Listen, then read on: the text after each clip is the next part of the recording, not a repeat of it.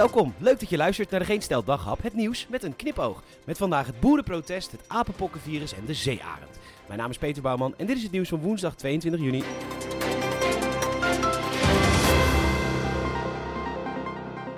Was vandaag de dag van het boerenprotest. Kans is groot dat u nog steeds in de file van vanochtend staat. En dat hele boerenprotest dat verliep tot het moment van deze opname eigenlijk heel gemoedelijk en rustig. Alleen liet het protest vanochtend keihard zien dat de VVD en D66 echt helemaal niet meer met andersdenkenden willen praten. De Nationaal Coördinator Terrorismebestrijding gaf een negatief boerenreisadvies aan VVD'er Van Kampen en D66er Tjeerd de Vries. En dat is echt vreselijk en verontrustend en dat gaat alle perken te buiten. Maar vervolgens riepen ze vanochtend op dat ze vonden dat alle Kamerleden niet naar het protest moesten gaan uit solidariteit. Ja, dan, dan snap je het leven niet. Want die bedreigingen, hoe kut ook, die kun je niet op al die tienduizenden boeren plakken, waardoor die ook niet meer gehoord zouden worden door hun volksvertegenwoordigers. En er wordt geklaagd dat Barneveld het boerenprotest mogelijk maakte en de burgemeester en de commissaris van de Koning in Gelderland.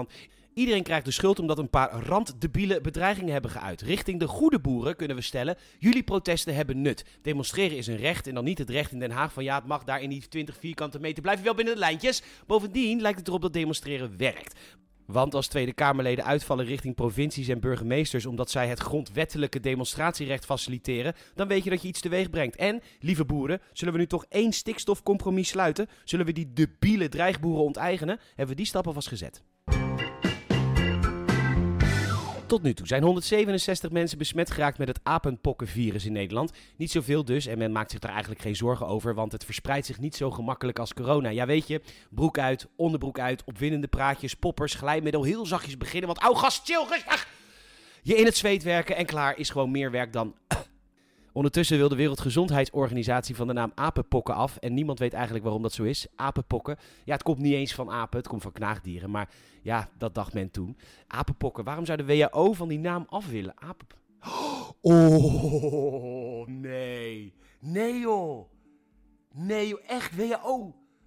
Dat kan echt niet. Dit, dit, oh, dit doe je niet. Oh. Bijna duizend patiënten overlijden jaarlijks onnodig op de spoedeisende hulp omdat ze te lang moeten wachten op hulp. En dat meldt de Nederlandse Vereniging van Spoedeisende Hulp Artsen bij de NOS. Hoeveel doden er jaarlijks moeten vallen om die wachtlijsten eindelijk een beetje te verkleinen, is niet bekend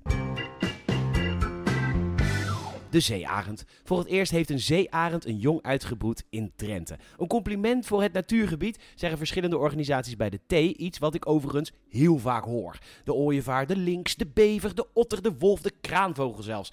En allemaal hebben ze blijkbaar niet zoveel last van stikstof, denk ik dan. Maar goed, ik heb maar vier vinkjes.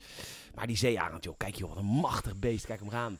Een spanwijdte van ruim 2 meter, joh. Kijk dat vliegen. Prachtig. Windmolen.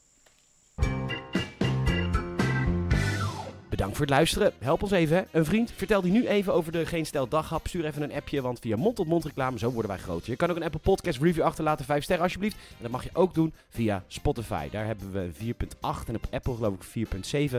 Onwijs bedankt daarvoor. Nogmaals bedankt voor het luisteren en tot morgen.